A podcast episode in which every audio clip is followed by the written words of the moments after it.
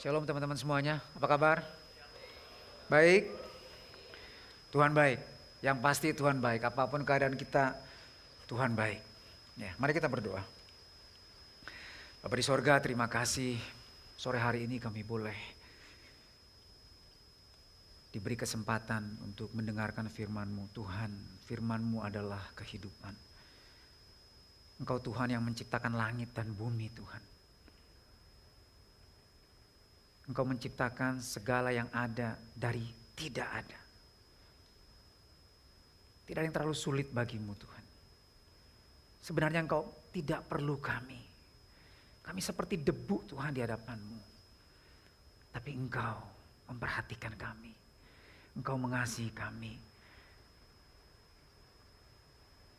Engkau lihat kami berharga Tuhan. Sekalipun Tuhan kami merasa kecil, kami merasa tidak ada yang memperhatikan. Tapi kami tahu Tuhan firman-Mu ya dan amin. Firman-Mu berkata Tuhan, matamu Tuhan menjelajah seluruh dunia. Untuk mencari orang yang bersungguh hati kepadamu. Supaya engkau limpahkan kekuatanmu kepada orang itu. Kami berdoa Tuhan. Buka pikiran kami. Walaupun kami masih muda. Tapi buka pikiran kami supaya kami mengerti firman-Mu Tuhan. Jamah hidup kami Tuhan. Sehingga kami boleh mengalami Engkau Tuhan. Nyata dalam hidup kami. Kami boleh mengalami Engkau Tuhan. Sebagai Bapa kami dalam hidup kami ini Tuhan. Sehingga kami boleh lihat kami tidak pernah sendirian. Melewati hari-hari kami. Melewati setiap masalah hidup kami kami tahu Tuhan yang maha kuasa itu memegang tangan kami. Terima kasih Bapak di sorga. Kami siap dengarkan firman-Mu. Di dalam nama Yesus. Kita semua yang mau bersungguh hati sama Tuhan sama-sama katakan. Amin. Haleluya. Iya teman-teman hari ini saya dapat tugas untuk menyampaikan firman Tuhan yang diberi judul Injil, Kenyamanan dan Penderitaan. Ya, di dalam hidup kita kita alami uh, kenyamanan, kenikmatan hidup, tapi kita juga alami penderitaan, ya. Nah, kita akan lihat apa itu Injil, apa itu kenyamanan dan penderitaan di dalam Tuhan. Ya, apa itu Injil? Ya, Bapak Ibu setiap eh Bapak Ibu lagi. Bapak Ibu cuma di belakang. Ini teman-teman semua, adik-adik ya. Nah, Injil adalah berita atau kabar baik tentang Kristus, juru selamat, dan mengenai jalan keselamatan. Ya, itu singkatnya, itu Injil. Jadi, karena begitu besar kasih Tuhan kepada setiap kita, dan Dia tahu tanpa Dia kita pasti binasa di dunia ini. Ya, karena begitu besar kasih Dia, Dia mau datang memperkenalkan dirinya dan menyelamatkan kita. Itulah Injil. Nah sekarang kita lihat di dunia ini ada orang-orang Kristen yang berpandangan dua ekstrim mengenai Injil ini. Ada yang menganggap Injil itu adalah sumber berkat. Gak salah. Tetapi cenderung bahwa Tuhan datang untuk memberikan mereka hidup yang penuh dengan kebahagiaan dan kenyamanan. Nggak salah, tetapi itu menjadi satu ekstrim. Ya. Dan satu lagi, mereka percaya bahwa kalau kita menjadi murid Kristus, Tuhan Yesus berkata, barang siapa mengikut aku, dia harus menyangkal dirinya, menyangkal dagingnya, memikul salib setiap hari dan mengikut aku. Barang siapa yang tidak menyangkal dirinya, tidak memikul salibnya, dia tidak layak bagiku. Nah, lalu kemudian aliran ini bawa ke ekstrim. Jadi mereka hidup di dalam penderitaan. Ya. Dan mereka harus menderita. Kalau nggak menderita, nggak selamat mereka. Mereka pikir begitu. Nah jadi kita lihat orang-orang Kristen yang berpandangan bahwa hidup itu harus nyaman, mereka berpandangan begini intinya. Banyak ayat, tetapi ada ayat yang jelas banget bilang begini. Pencuri datang hanya untuk mencuri, membunuh dan membinasakan. Tetapi aku datang, Tuhan Yesus datang supaya mereka memiliki hidup. Orang-orang yang percaya kepada Yesus memiliki hidup dan memilikinya dalam segala kelimpahan. Haleluya. Amin. Jadi orang Kristen itu harus bahagia. Karena Tuhan menjadi miskin supaya kita jadi kaya. Tuhan menderita supaya kita tidak perlu lagi menderita. Jadi kalau kita naik pesawat, orang-orang biasa naik pesawat ekonomi, kita harus naik first class, minimum business class. Terus kemudian kalau bekerja, orang lain kalau bekerja sampai 8 jam, 10 jam. Kita, karena kita adalah anak Tuhan, anak raja, bekerjanya cukup sehari 4 jam, 5 jam. Ya. Jadi itu pandangan mereka. Mereka selalu klaim, ya, tolak kutuk kemiskinan, tolak semua penderitaan. Nah kita lihat akibatnya mereka nggak pernah sampai kepada kebenaran. Itu Injil yang salah, itu bukan Injil yang firman Tuhan maksudkan. Nah sebaliknya ada lagi satu aliran yang benar-benar mereka, nah ini dari sejarah gereja ya, kita lihat bahwa dari sejarah gereja itu kita lihat ada ada orang-orang yang uh, terutama kayak uh, rahib ya, sampai sekarang juga ada sih ya. Kalau teman-teman pernah ke Mesir ya, gereja Koptik itu ada tuh. Rahib yang mereka tinggalin hidup kenyamanan di dunia, mereka tinggal di padang gurun, di goa-goa. Kerjanya doa puasa, doa puasa. Ya, hidup menderita. Bahkan kalau kita lihat ada aliran yang lebih ekstrim lagi. Ya, kalau kita dalam sejarah gereja ada yang namanya Origenes. Dia seorang teolog, seorang uh, buat beberapa gereja dianggap sebagai bapak gereja. Dia itu sampai menafsirkan begini. Tuhan Yesus pernah berkata bahwa serigala punya sarang, tetapi anak manusia tidak ada tempat untuk meletakkan kepala. Jadi dia gak mau punya harta, dia melayani Tuhan, dan baju yang dia pakai cuma satu dua potong. Ya dia tidak pernah tidur di ranjang. Dia tidur di lantai. Kenapa? Dia mau sama bahkan lebih rendah lagi daripada Tuhan Yesus. Dan bahkan Tuhan Yesus katakan bahwa ada orang yang tidak menikah karena memang dilahirkan demikian, tetapi ada orang juga yang tidak menikah karena dia buat sendiri demi kerajaan Allah.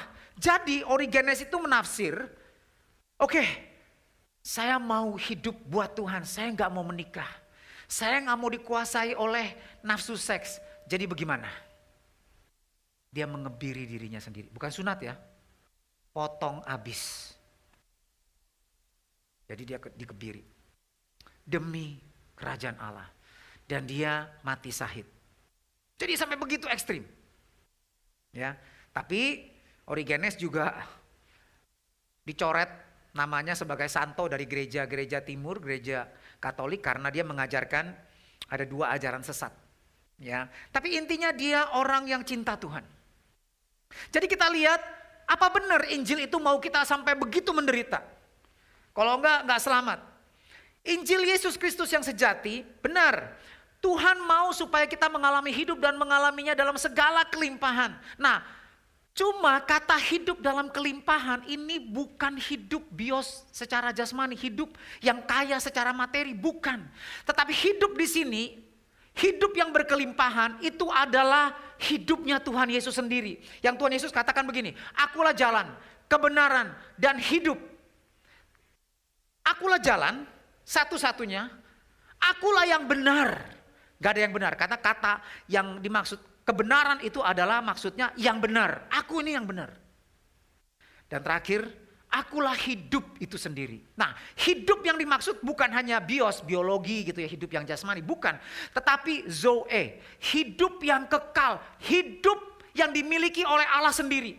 Hidup yang tidak ada ketakutan, tidak ada kekhawatiran, Hidup yang penuh iman, hidup yang kudus, hidup yang mulia. Hidupnya Tuhan sendiri. Itu ada di dalam Yesus. Jadi siapa yang menerima Yesus sebagai Tuhan dan Juru Selamat sungguh-sungguh percaya mengakui dosanya dan menerima Yesus sebagai Tuhan dan Juru Selamat, dia dijadikan anak Allah. Dan dia memiliki Kristus, artinya apa? Dia memiliki hidup. Seperti yang dimiliki Yesus. Ada masalah, tapi nggak perlu takut. Karena Tuhan beserta dia. Nah, jadi kita lihat ya 1 Timotius 6 ayat 17 katakan begini. Jangan berharap pada sesuatu yang tak tentu. Seperti kekayaan. Ya, atau kekuasaan, power. Atau semua yang dari dunia ini. Kebanggaan, apa, kecantikan, kekayaan, ya, kuasa, jabatan. Jangan. Melainkan kepada Allah.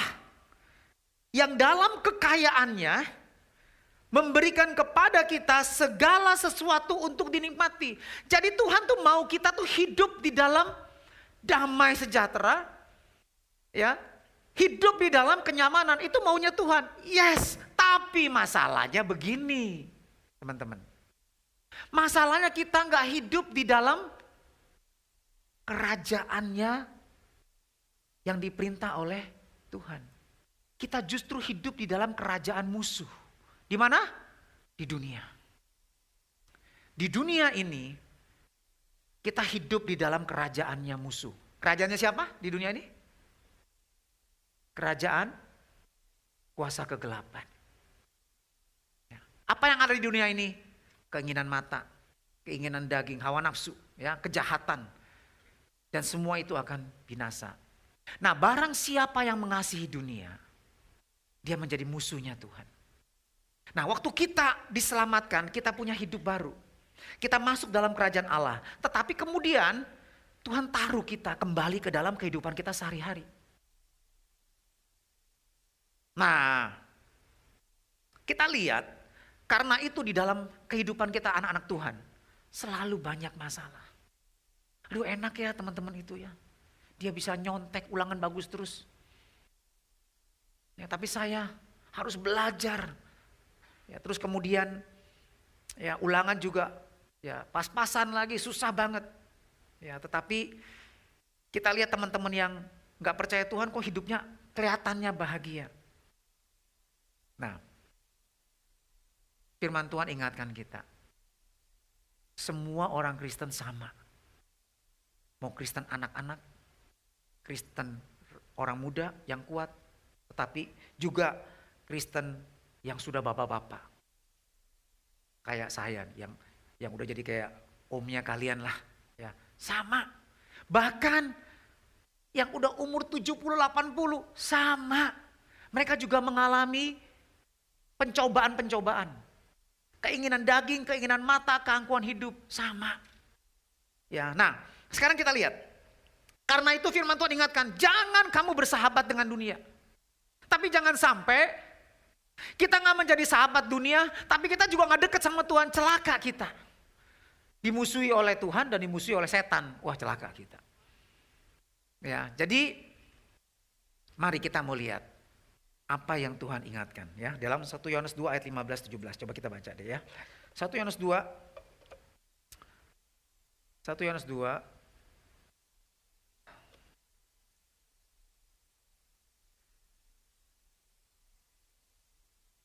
Ayat 15, eh, ayat 14.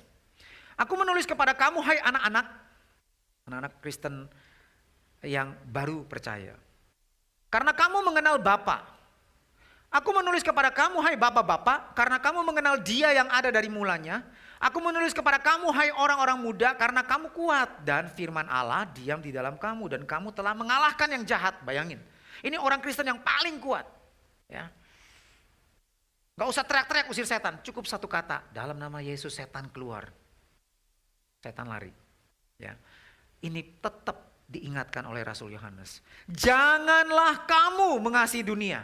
Dan apa yang ada di dalamnya, jikalau orang mengasihi dunia, maka kasih akan Bapa tidak ada di dalam orang itu. Bahkan Yakobus 4 ayat 4 katakan, barang siapa yang mengasihi dunia, dia menjadi musuhnya Tuhan. Karena dunia itu berlawanan dengan kehendak Tuhan. Ayat 16, sebab semua yang ada di dunia, yaitu keinginan daging, keinginan mata serta keangkuhan hidup bukan berasal dari Bapa melainkan dari dunia. Dan dunia ini sedang lenyap dengan keinginannya. Tetapi orang yang melakukan kehendak Allah tetap hidup sampai selama-lamanya. Jadi pertama, apa yang kita harus lakukan? Semua orang Kristen sama. Yang pertama, ada empat jangan. Jangan kita mengejar apa yang ada dalam dunia. Pertama, jangan mengejar wanita atau mengejar seks. Jangan pikir sekarang anak-anak kecil umur 12 ya, mulai terpapar. Makanya nomor satu anak Tuhan harus anti bucin-bucin. Bucin apa? Maksudnya adalah jangan kita ya diperbudak oleh hawa nafsu seks. Bener. Yang bucin ini bukan cuma laki-laki, betul nggak? Sekarang yang cewek juga banyak yang bucin. Bahaya. Kalau udah bucin, udah deh. Saya pernah lihat teman saya yang jadi yang bucin tuh ya. Dia tuh kalau biasa disuruh mamanya, papanya pergi ke mana-mana gitu supermarket belanja, susah banget. Bangunnya siang. Tapi sejak dia pacaran, berubah langsung dia. Jadi manusia baru. Bangun pagi-pagi. Terus ditanya, mau pergi ke mana? Pergi ke rumah, eh itu pacarnya. Terus sampai di pacarnya, dia tunggu. Nganterin pacarnya kuliah. Pulang, dia anterin lagi pulang. Terus mamanya mau ke pasar, mamanya tuh cewek mau ke pasar, dia anterin lagi sampai sore. Ya jadi kayak buka apa namanya travel agent ya, nganter pulang pergi gitu loh. Jadi rajin. Nah itu contoh. Jadi budak cinta. Begitu diputus, waduh, udah dari dunia kayak mau kiamat. Ya. Nah, jadi ingat kita disuruh, uh, di, firman Tuhan ingatkan kita jangan mengejar lawan jenis. Ingat, seks itu, dosa seks itu lebih menakutkan dari setan. Siapa yang takut sama setan di sini?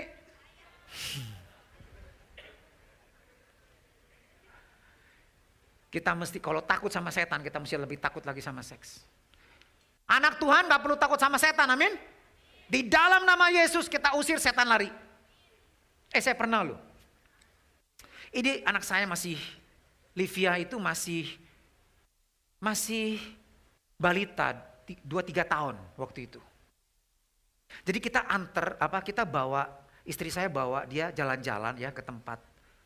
Siapalah nggak tahu, mungkin tempat itu ada setannya gitu, angker gitu maksudnya. Setan sih ada di mana-mana, cuma di situ kayaknya tuh roh jahatnya itulah ya, Badung. Jadi waktu dia pulang, rupanya tuh dia melihat. Jadi waktu di kamar tuh dia ketakutan. Dia takut dan dia tunjuk-tunjuk, nggak bisa belum bisa ngomong. Oh, kalau gitu umur setahun dua tahun kalau gitu dia. Dia tunjuk-tunjuk itu. Saya nggak lihat. Cuma saya bilang begini. Dalam nama Yesus setan pergi. Udah pergi belum? Saya bilang. Diam dia langsung tenang. Menangis. Dia belum ngerti loh. Tapi saya percaya nama Yesus jauh lebih berkuasa dari segala setan. Amin. Jadi nggak usah takut. Nggak usah takut. Oke, beri tepuk tangan buat Tuhan dong. Nah, tapi kalau kita jadi bucin ini lebih parah. Ini lebih parah lagi. Dan firman Tuhan ingatkan begini loh. Kalau kita sampai jatuh dalam dosa ini.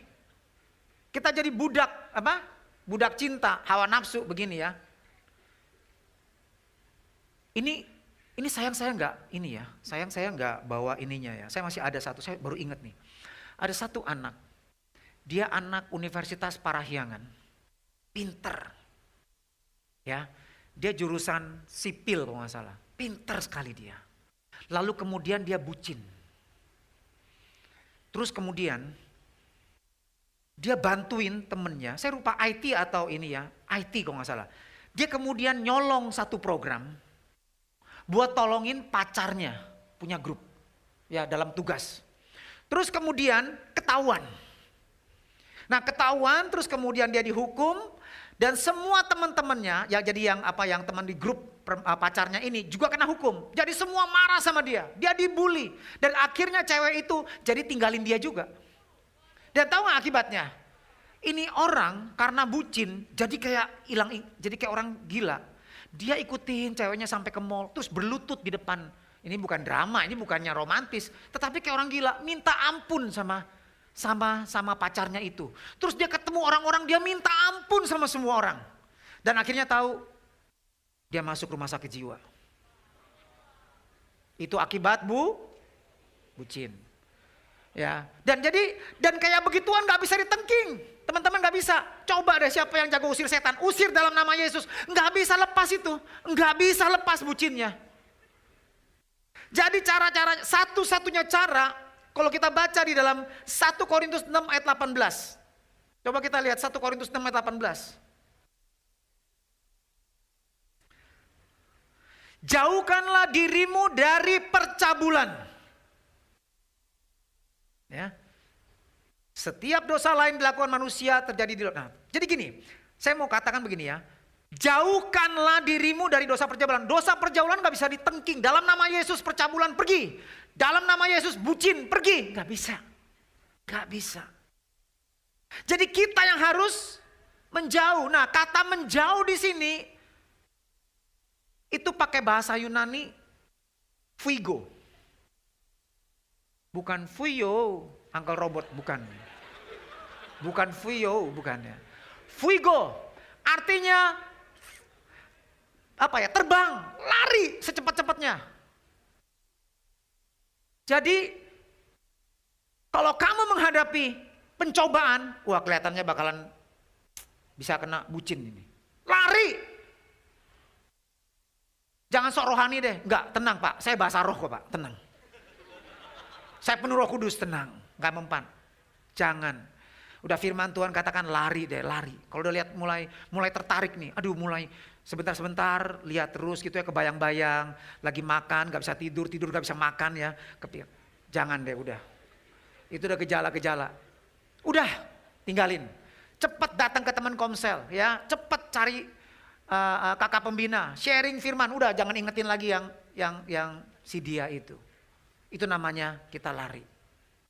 Ingat, kalau kita sok kuat, nggak apa-apa, nggak apa-apa. Saya bahasa rokok. Aduh, saya saya saya percayalah. Roh di dalam saya lebih besar dari segala roh di dunia ini. Gak usah takut ya. Jangan. Kecuali kita lebih kuat dari Samson Kecuali kita lebih rohani daripada Raja Daud. Dan kalau kita juga lebih bijaksana daripada Raja Salomo. Ingat, Samson itu yang paling kuat. Ya. Raja Daud paling rohani. Lihat tuh Mazmur. Berapa ratusan Mazmur dia karang. Dia orang yang dekat sama Tuhan, sangat rohani. Salomo, tidak ada orang yang lebih berhikmat dari dia. Tiga-tiganya jatuh karena bucin. Jadi jangan. Nanti ada waktunya. Saya sama istri saya, dulu pacaran, saya nggak pakai bucin-bucinan nggak ada. Baru ketemu, tiba-tiba, saya nggak, saya tuh jarang loh, enggak, tapi memang sih kalau kadang kalau soal cewek itu kita tiba-tiba jadi apa namanya lebih peka gitu dari biasa. Ya, jadi waktu saya ketemu langsung tuh ada hati, dalam hati ada suara, itu akan jadi istrimu. Bukan bilang pacar, itu akan jadi istrimu. Bener. Tapi ya sudah, saya dikenalin sama Kak Seno di Komsel. Terus kemudian gak ketemu lagi, setahun kemudian datang lagi, ketemu lagi di Komsel yang lain. Terus kemudian dikenalin lagi sama Kak Seno, oh ya kita pernah ketemu. Akhirnya kita kenalan. Ya singkat kata, kita menikah. Jadi lihat, saya percaya kalau kita anak Tuhan, Tuhan akan beri yang terbaik pada waktunya. Jangan bucin. Ya, yang pertama. Yang kedua, jangan mengejar kesenangan. Jangan mengejar kesenangan. Kita baca di dalam 1 Timotius 5 ayat 6 katakan begini. Tetapi seorang janda yang hidup mewah dan berlebih-lebihan, ia sudah mati selagi hidup. Jadi kalau kita pengennya kejar kesenangan, maunya senang-senang melulu. Ini bukan buat cuma janda-janda aja, tapi orang-orang yang kelakuannya kayak janda. Janda di zaman dulu yang kaya itu nggak ada kerjaan apa-apa. Nggak ada kerjaan. Orang kayak bilang mau seco. Nggak ada kerjaan. Ya akibatnya Gosip. Akibatnya minum. Jadi janda-janda zaman dulu tuh suka minum, kuat minumnya. Mabok. Nah, Paulus ingatkan, orang yang kayak begitu coba mengejar kesenangan, dia sudah mati selagi hidup. Jangan mengejar kesenangan yang dari dunia. Ya, makanya coba perhatiin teman-teman. Siapa yang suka main game? Udah gak usah angkat tangan deh, udah malu kita ya. Jadi dalam hati aja kita tahu siapa yang suka main game. Siapa yang suka main game? Coba, suka baca Alkitab nggak? Kalau suka main game, suka baca Alkitab nggak?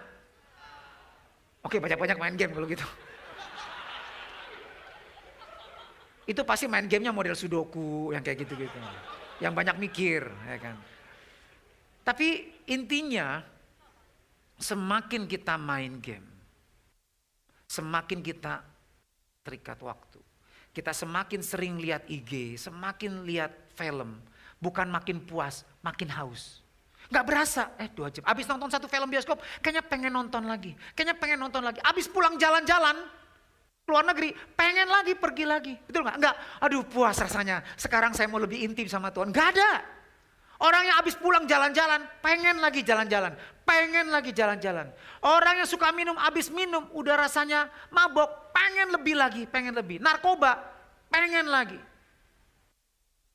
Semua yang dari dunia ini semakin kita lakukan, semakin kita terikat. Dan kita akan jadi mati rohani. Gak heran orang yang anak-anak, apa kita siapa pun yang suka mengejar kesenangan, kerohaniannya mati. Seorang hamba Tuhan namanya Leonard Ravenhill, ini seorang bapak kebangunan rohani di Amerika ya. Dia berkata begini, entertainment is the devil's substitute for joy. The more joy you have in the Lord, the less entertainment you need. Ya, kalau kita semakin dekat sama Tuhan, semakin kita dipuasin. Nah satu kali nih, ini saya kerja di satu perusahaan grup konglomerat. Nah ini konglomerat ini, ini ada tiga keluarga. Ya, tiga-tiga ini, ini yang ngomong nih anak salah satu konglomerat. Jadi dia, jadi dia ya sama uh, pamannya sama tantenya, keluarganya pergi semua ke Eropa, keliling Eropa. Nah pamannya ini itu suka dugem, belum dalam Tuhan. Jadi dia ajak keponakannya nyobain diskotik, ya tempat-tempat nightclub di Eropa. Semua dicoba dimasukin. Tetapi ada satu anak, ya anak dari konglomerat ini, saudaranya, tantenya yang cerita sama saya ini, dia nggak pergi. Tiap malam udah pulang jalan-jalan, dia di kamarnya. Dia sama papa mamanya. Dia nggak pergi dugem, ikutin om dan sepupunya yang lain. Terus kemudian singkat kata setelah mau pulang ke Jakarta di hari terakhir, omnya kumpul sama keluarga semua, sama anak mantu, apa, sama ponakan semua. Terus dia ngeledekin, eh kamu ya, kamu ini nih Enggak, saya pengen hampir ngomong ya namanya nih. Ya, karena kalau saya ngomong pasti teman-teman tahu. Karena ini orang namanya cukup terkenal. Ya, terus diledekin, eh kamu nih nggak berani dugem, kan takut kan diomelin papa mama kan? Tahu nggak dia jawabnya apa? Ini anak Tuhan yang luar biasa. Dia jawab begini, Om, enggak, saya nggak takut sama papa mama. Dia umur 20, 23 waktu itu. Dia bilang begini, Enggak om saya nggak takut sama papa mama. Emang om ngapain sih ke dugem? Mau cari bahagia kan? Supaya happy kan? Lah saya udah happy kok dalam Tuhan. Saya ngalami bahagia dalam Tuhan. Terus ngapain gue ikutan sama kalian sampai pagi gitu dugem, mabok, ngapain? Omnya langsung diem. Itu sukacita yang sejati dalam Tuhan. Itu sukacita yang sesungguhnya. Dunia bisa memberi kita sukacita, kesenangan, happy lewat game, film, jalan-jalan. Kelihatannya oke, okay, nonton bioskop lucu ya habis. Habis itu gimana? Itu palsu. Itu sukacita palsu buatan setan. Supaya kita semakin jauh tanpa terasa dari Tuhan. Jadi orang yang mengejar kesenangan dunia, dia sudah mati Padahal selagi dia masih hidup. Hati-hati. Jangan maunya ngejar kesenangan. Nanti kita lihat. Harusnya kita kejar apa. Oke, yang ketiga. Jangan mengejar uang. Jangan mengejar harta. Oh bukan berarti saya katakan jangan kerja. Harus kerja. Harus rajin. Karena firman Tuhan katakan barang siapa tidak kerja jangan makan. Siapa yang malas jadi kerja paksa. Harus rajin. Tetapi jangan menjadikan uang, harta itu satu-satunya tujuan hidup. Apa pun akan dilakukan demi itu itu itu bahaya. Jadi gini. Kita baca 1 Timotius 6 ayat 10. Karena akar segala kejahatan ialah cinta uang. Memang kita perlu uang. Memang kita kalau masa nggak cinta uang? Iya kita suka. Tetapi cinta uang di sini, ya cinta uang di sini uh, Ini ini khusus ya, cinta uang ini dise, bukan kata agape, bukan film, bukan. Tapi pakai kata yang artinya begitu. Jadi istilahnya begitu kalau udah duit, udah deh lu lupa segalanya. Nggak ada saudara lagi, nggak ada temen lagi. Dia akan lakukan segala cara demi dapat uang.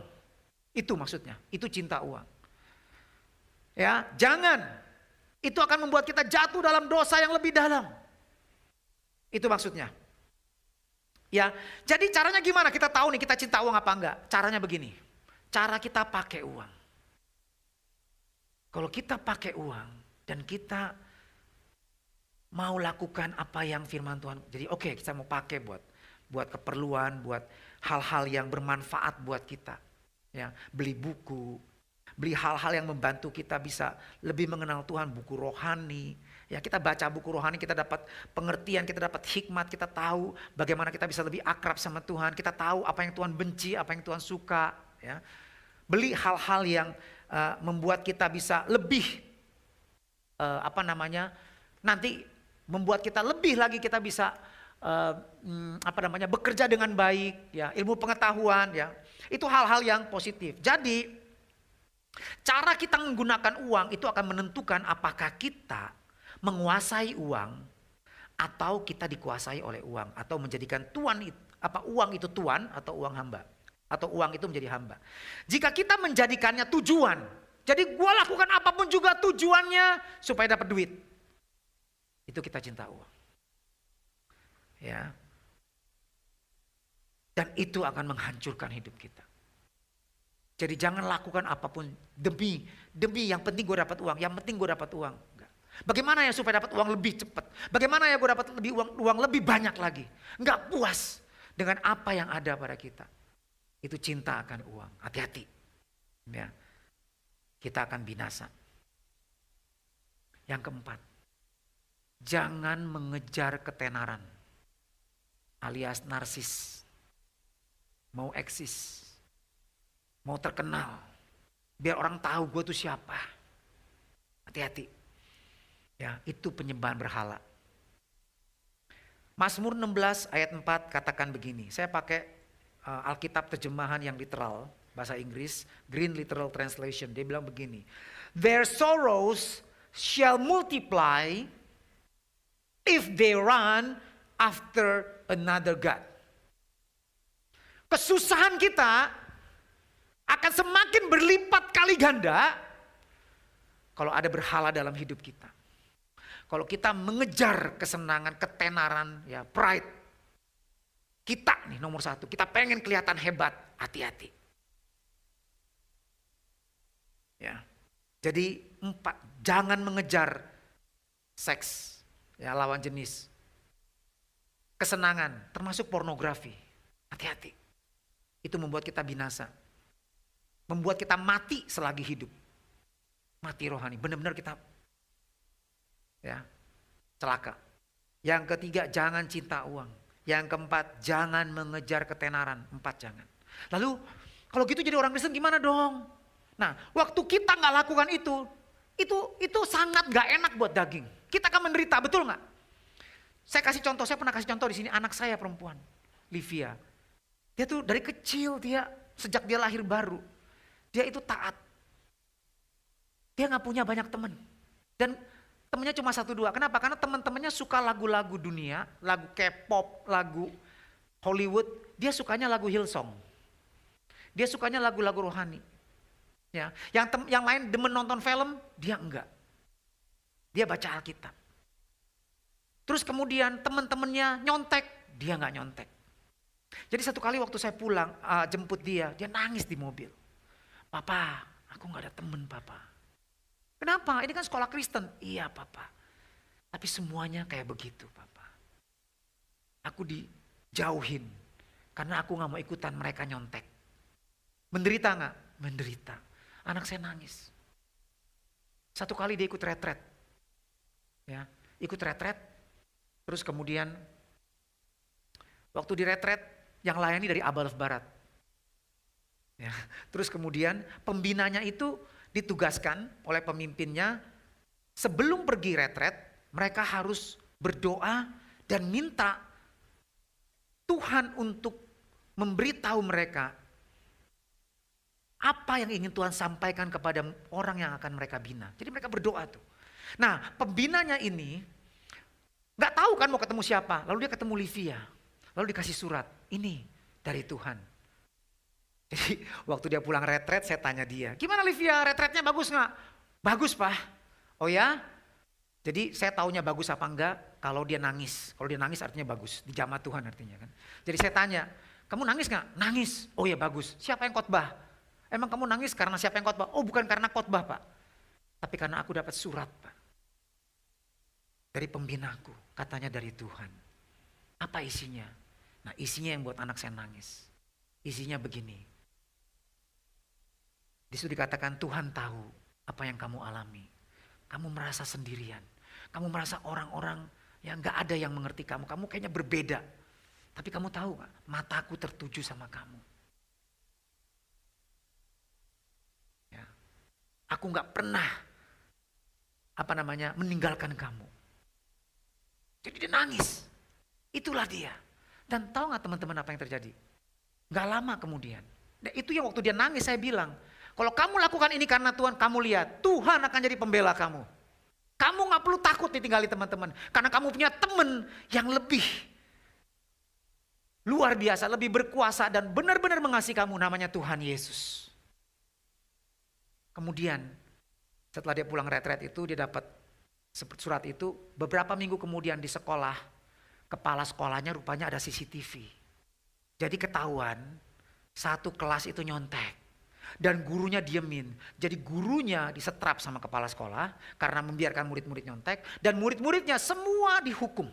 Panggil orang tua dan disuruh minta maaf semua sama Livia karena kelihatan di CCTV cuma Livia yang tidak nyontek. Lihat. Siapa yang mengejar Tuhan? Siapa yang mau bersungguh hati kepada Tuhan? Mata Tuhan tertuju kepada dia. Amin.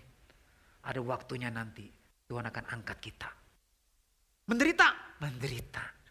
Tapi tenang, tujuan Tuhan baik. Dia mau melatih kita supaya kita kuat. Ya. Karena Tuhan mau hidup kita ini berkualitas. Bukan cuma mengejar kesenangan-kesenangan yang palsu, tipuan dari setan, jangan. Percaya deh, kalau kita masih muda, udah bertobat, kita sungguh-sungguh cari Tuhan, kita akan lihat Tuhan semakin nyata dalam hidup kita. Ya. Dan saya lihat teman-teman saya yang mulai dari muda kenal Tuhan dan sungguh-sungguh buat apa hidup dalam Tuhan, radikal dalam Tuhan. Hari ini saya lihat nggak ada yang hancur hidupnya. Gak ada. Saya bukan orang yang pinter. Waktu saya lulus, IPK saya 2,67. Saya lulus karena kasih karunia. Saya kerja karena kasih karunia. Saya bisa lulus MTH karena kasih karunia. Benar. Saya kerja, saya presdir di dua perusahaan karena kasih karunia. Bukan karena saya hebat. Tapi saya punya Tuhan yang hebat, amin. Dan jangan malas. Kerja yang jujur. Kerja yang benar. Ikutin firman Tuhan. Memang menderita. Memang gak enak. Tapi ada waktunya nanti. Kita akan lihat Tuhan akan angkat kita pada waktunya. Jadi hidup kekristenan itu bukan aduh gak boleh begini gak boleh. Enggak, tapi ada satu yang Tuhan ajar kita untuk kejar. Hidup orang Kristen itu kelihatan. Ekspresinya tuh kelihatan bukan kelemar-kelemar. Oh ini kelihatan orang Kristen. Kenapa? Mukanya panjang, susah melulu, menderita melulu. Ini orang Kristen nih. Enggak. Enggak. Amin. Orang Kristen mukanya bercahaya. Semangat. Ya, karena dia tahu Tuhan dia hidup. Ya. Tuhan ajar kita untuk mengejar dia. Jadilah God chaser. Kenapa? Kenapa kita mengejar Tuhan? Karena Tuhan yang terlebih dahulu mengejar kita, amin. Kita bisa ada hari ini, itu karena Tuhan yang membawa kita. Tidak ada satu orang pun yang bisa datang kepadaku kalau bukan Bapa yang membawanya. Teman-teman bisa datang ke sini karena siapa? Karena Bapa di surga yang bawa. Lewat apa? Lewat teman-teman yang lain. Lewat hati nurani, iya pengen nih. Gue mau datang ke gereja nih. Walaupun kayaknya nggak ngerti, walaupun ikutan teman. Itu Tuhan yang sedang bekerja dalam hidup kita. Dan kalau kita nggak berontak, kita mau terus taat, lihat. Tuhan akan rubah hidup kita. Waktu kita ngalami kasih Tuhan, itu akan buat kita pengen mengejar Tuhan terus. Saya bacakan, jadi ini yang harus semua anak Tuhan lakukan. Matius 6 ayat 31. Matius 6 ayat 31. Sebab itu janganlah kamu khawatir dan berkata, apakah yang akan kami makan, apakah yang akan kami minum, apakah yang akan kami pakai. Semua itu dicari bangsa-bangsa yang tidak mengenal Allah. Akan tetapi Bapamu yang di sorga tahu bahwa kamu memerlukan semuanya itu. Tetapi carilah dahulu kerajaan Allah dan kebenarannya. Maka semuanya itu akan ditambahkan kepadamu. Maksudnya apa? Maksudnya begini. Manusia baru yang sudah diselamatkan Tuhan Buat dia, Tuhan itu begitu spesial. Sehingga dia begitu haus pengen mengenal Tuhan lebih lagi. Karena Tuhan jadikan kita anak dia. Jadi kerajaan Allah, kehendak Allah, kebenarannya itu begitu penting. Bahkan lebih penting daripada keinginan kita untuk makan, untuk berpakaian, untuk senang-senang. Itu maksudnya. Jadi ayat ini maksudnya begini, dulu saya salah tanggap. Saya pikir begini, oke, okay, carilah dahulu kerajaan Allah dan kebenarannya, bertobat, ya melayani di gereja. Habis itu, ah tinggal kita tunggu semua yang kita ingini di dunia ini akan Tuhan berikan. Bukan, bukan itu, itu namanya ada maunya namanya. Itu namanya nggak tulus itu namanya. Tetapi kalau kita rindu cuma Tuhan, that's it, cuma Tuhan aja. Karena kita tahu Tuhan begitu baik sama kita. Kita nggak ingin yang lain. Ini hati yang benar. Ini anak Tuhan yang benar. Dan Bapa di sorga, waktu kita lihat punya hati yang begitu, dia tidak akan membiarkan kita. Nah ayat ini kalau teman-teman baca Matius 33, ayat ini ada satu contoh. Di dalam perjanjian lama. Yaitu di dalam satu Raja-Raja 3 satu Raja-Raja 3 ayat 11 sampai 13. Satu Raja-Raja ini yang menggambarkan maksud sebenarnya dari ayat ini. Carilah dahulu kerajaan Allah dan kebenarannya maka semua itu akan ditambahkan. Jadi berfirmanlah Allah kepada Salomo. Waktu Salomo ditanya sama Tuhan, kamu mau apa? Kamu setelah jadi raja, kamu mau apa sih? Begini, jadi berfirmanlah Allah kepadanya, oleh karena engkau telah meminta hal yang demikian, yaitu hikmat, dan tidak meminta umur panjang, atau kekayaan, atau nyawa musuhmu, supaya posisimu aman, ya kamu ingin supaya musuhmu mati semua. Kamu nggak minta itu, melainkan pengertian untuk memutuskan hukum, hikmat. Maka sesungguhnya Aku melakukan sesuai dengan permintaanmu itu karena aku berkenan. Karena memang di dalam perjanjian lama di dalam Taurat Tuhan memberikan perintah. Semua yang mau jadi raja harus memerintah dengan adil. Jadi Raja Salomo cuma minta hikmat supaya bisa memerintah dengan adil. That's it. Dia nggak minta umur panjang. Dia nggak minta kekayaan. Dia nggak minta musuh-musuhnya supaya takluk sama dia. Enggak. Cuma dia minta supaya benar-benar dia bisa jalan sesuai dengan kehendak Tuhan. That's it. Ini jawab Tuhan. Maka sesungguhnya aku melakukan sesuai permintaanmu. Sesungguhnya aku memberikan kepadamu hati yang penuh hikmat dan pengertian. Sehingga sebelum engkau tidak ada seorang pun seperti engkau. Dan sesudah engkau takkan bangkit seorang pun seperti engkau. Dan juga apa yang tidak kamu minta aku berikan kepadamu. Baik kekayaan maupun kemuliaan. Sehingga sepanjang umurmu takkan ada seorang pun seperti engkau. Di antara raja, lihat.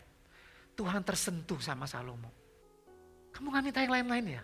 Kamu cuma minta perkenananku ya.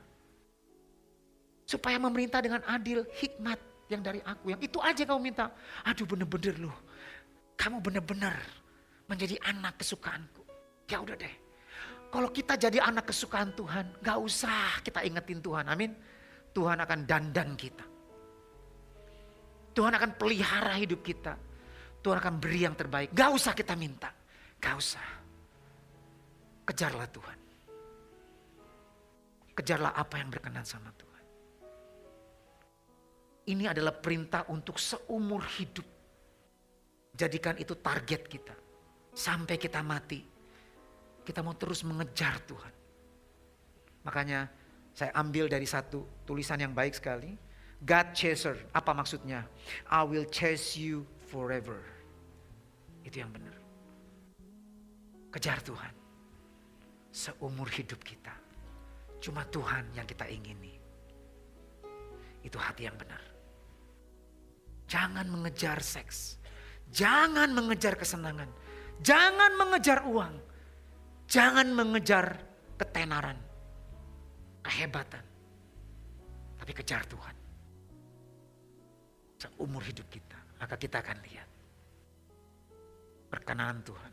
Kita akan lihat Tuhan nyata dalam hidup kita. Mari kita nyanyikan lagu ini. Kita bangkit berdiri. Kalau ku hidup, ku hidup lagi.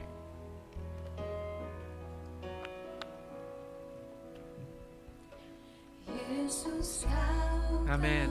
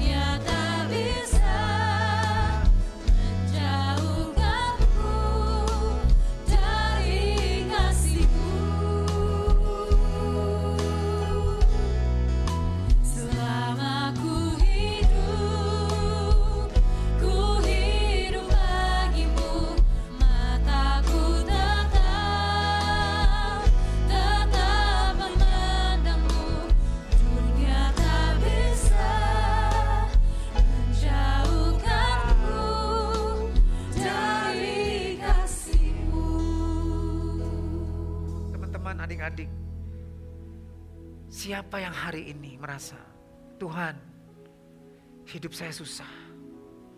Saya terikat dosa seks. Saya terikat Tuhan. Dengan games. Saya nggak bisa lepas Tuhan. Saya selalu dibully Tuhan. Saya selalu melakukan yang cemar Tuhan. Saya bahkan jijik dengan diri saya sendiri karena dosa-dosa yang saya lakukan.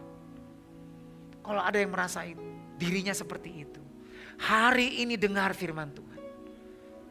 Tuhan berkata, dengar inilah Injil. Aku datang untuk engkau. Aku datang untuk engkau. Siapa yang merasa dirinya Tuhan, aku seperti sampah, aku seperti ampas nih Tuhan. Aku gagal Tuhan. Tuhan berkata, aku yang membawa engkau ke sini. Kalau kau datang kepadaku, aku akan pulihkan engkau, aku akan ampuni dosa-dosamu. Aku akan jadikan engkau manusia baru. Siapa yang mau hari ini? Tuhan itu aku Tuhan. Aku orang berdosa Tuhan. Aku bahkan jijik dengan diriku. Aku muak Tuhan dengan gaya hidupku Tuhan. Aku mengejar kesenangan tapi aku gak pernah bahagia Tuhan. Banyak orang yang membenci aku Tuhan. Bahkan aku membenci diriku Tuhan. Aku putus asa Tuhan. Siapa yang seperti itu? Hari ini Tuhan sedang mau berperkara. Tuhan berkata, mari kepadaku. Semua yang letih, lesu, yang berbeban berat, yang punya masalah. Yang muak dengan dosa-dosanya. Siapa yang katakan, Tuhan ini aku, aku butuh engkau. Tolong aku, taruh tangan di dada. Taruh tangan di dada. Katakan dengan iman. Gak peduli kiri kanan, jangan lihat kiri kanan. Karena Tuhan ada di sini. Firman Tuhan berkata di dalam Ibrani 11 ayat 6. Barang siapa berpaling kepada Allah, dia harus percaya bahwa Tuhan ada di sini di hadapannya. Dan Tuhan akan memberi upah kepada orang yang sungguh-sungguh mencari dia. Hari ini, hari ini, jangan peduli kiri kanan. Karena hanya ada Tuhan di hadapan kita. Dan dia mau selamatkan kita. Yang taruh tangan di dada katakan sama Tuhan. Tuhan, ampuni dosa-dosa saya Tuhan. Saya capek Tuhan. Saya capek dengan segala dosa saya Tuhan. Saya capek Tuhan karena mengejar kesenangan duniawi. Saya nggak sadar Tuhan saya menjadi musuhmu Tuhan. Ampuni saya Tuhan. Ampuni saya Tuhan. Kasihani saya Tuhan. Saya minta ini di dalam nama Yesus. Datang kepada Tuhan dengan iman. Dengan sungguh-sungguh. Karena mata Tuhan sedang tertuju kepada setiap anak-anaknya yang mau bersungguh hati sama Tuhan. Akui dosa-dosamu saat ini. Akui. Akui. Karena setiap orang yang mengaku dosanya. Yang menyesali dosanya. Dengan sungguh-sungguh. Maka Tuhan akan mengampuni dosa kita terima pengampunan. Bukan hanya pengampunan. Tuhan berkata kalau kita mengaku dosa kita, menyesali dosa kita, Tuhan tidak hanya mengampuni, tapi Tuhan menyucikan kita dari segala dosa kita. Tuhan sucikan sekarang kalian. Tuhan sucikan di dalam nama Yesus. Terima roh kekudusan. Terima, terima pembenaran dari Tuhan. Dalam nama Yesus, Tuhan kami terima roh yang lebih besar dari segala roh di dunia ini Tuhan. Roh yang sungguh-sungguh cinta akan Engkau Tuhan. Menguasai anak-anakmu sekarang Tuhan. Di dalam nama Yesus roh pertobatan Tuhan. Menguasai setiap kami di tempat ini Tuhan. Di dalam nama Yesus. Tuhan kami serahkan anak-anakmu ini dalam tanganmu Tuhan. Kau sucikan mereka, jadikan mereka milikmu, anakmu sehingga mereka punya hidupmu Tuhan sekarang. Ya. Hidup yang membuat mereka menang Tuhan atas semua dosa. Sehingga mereka membenci dosa. Dan mulai hari ini Tuhan, mereka akan menjadi God chaser Tuhan. Mereka menjadi anak-anakmu Tuhan yang rindu makin dekat dengan Engkau. Hanya Engkau Tuhan yang mereka rindukan. Di dalam nama Yesus, kami berdoa dan kami terima jawaban doa kami ini. Kami terima Tuhan kemenangan, kelepasan. Biar Tuhan, mulai hari ini Engkau yang pegang tangan anak-anakmu ini Tuhan. Engkau beri sukacita damai. Kau beri mereka Tuhan. Melihat bahwa engkau nyata Tuhan dalam hidup mereka. Di dalam nama Yesus. Kita semua yang mau bersungguh hati kepada Tuhan sama-sama katakan. Amin. Amin. Amin. Tuhan berkati.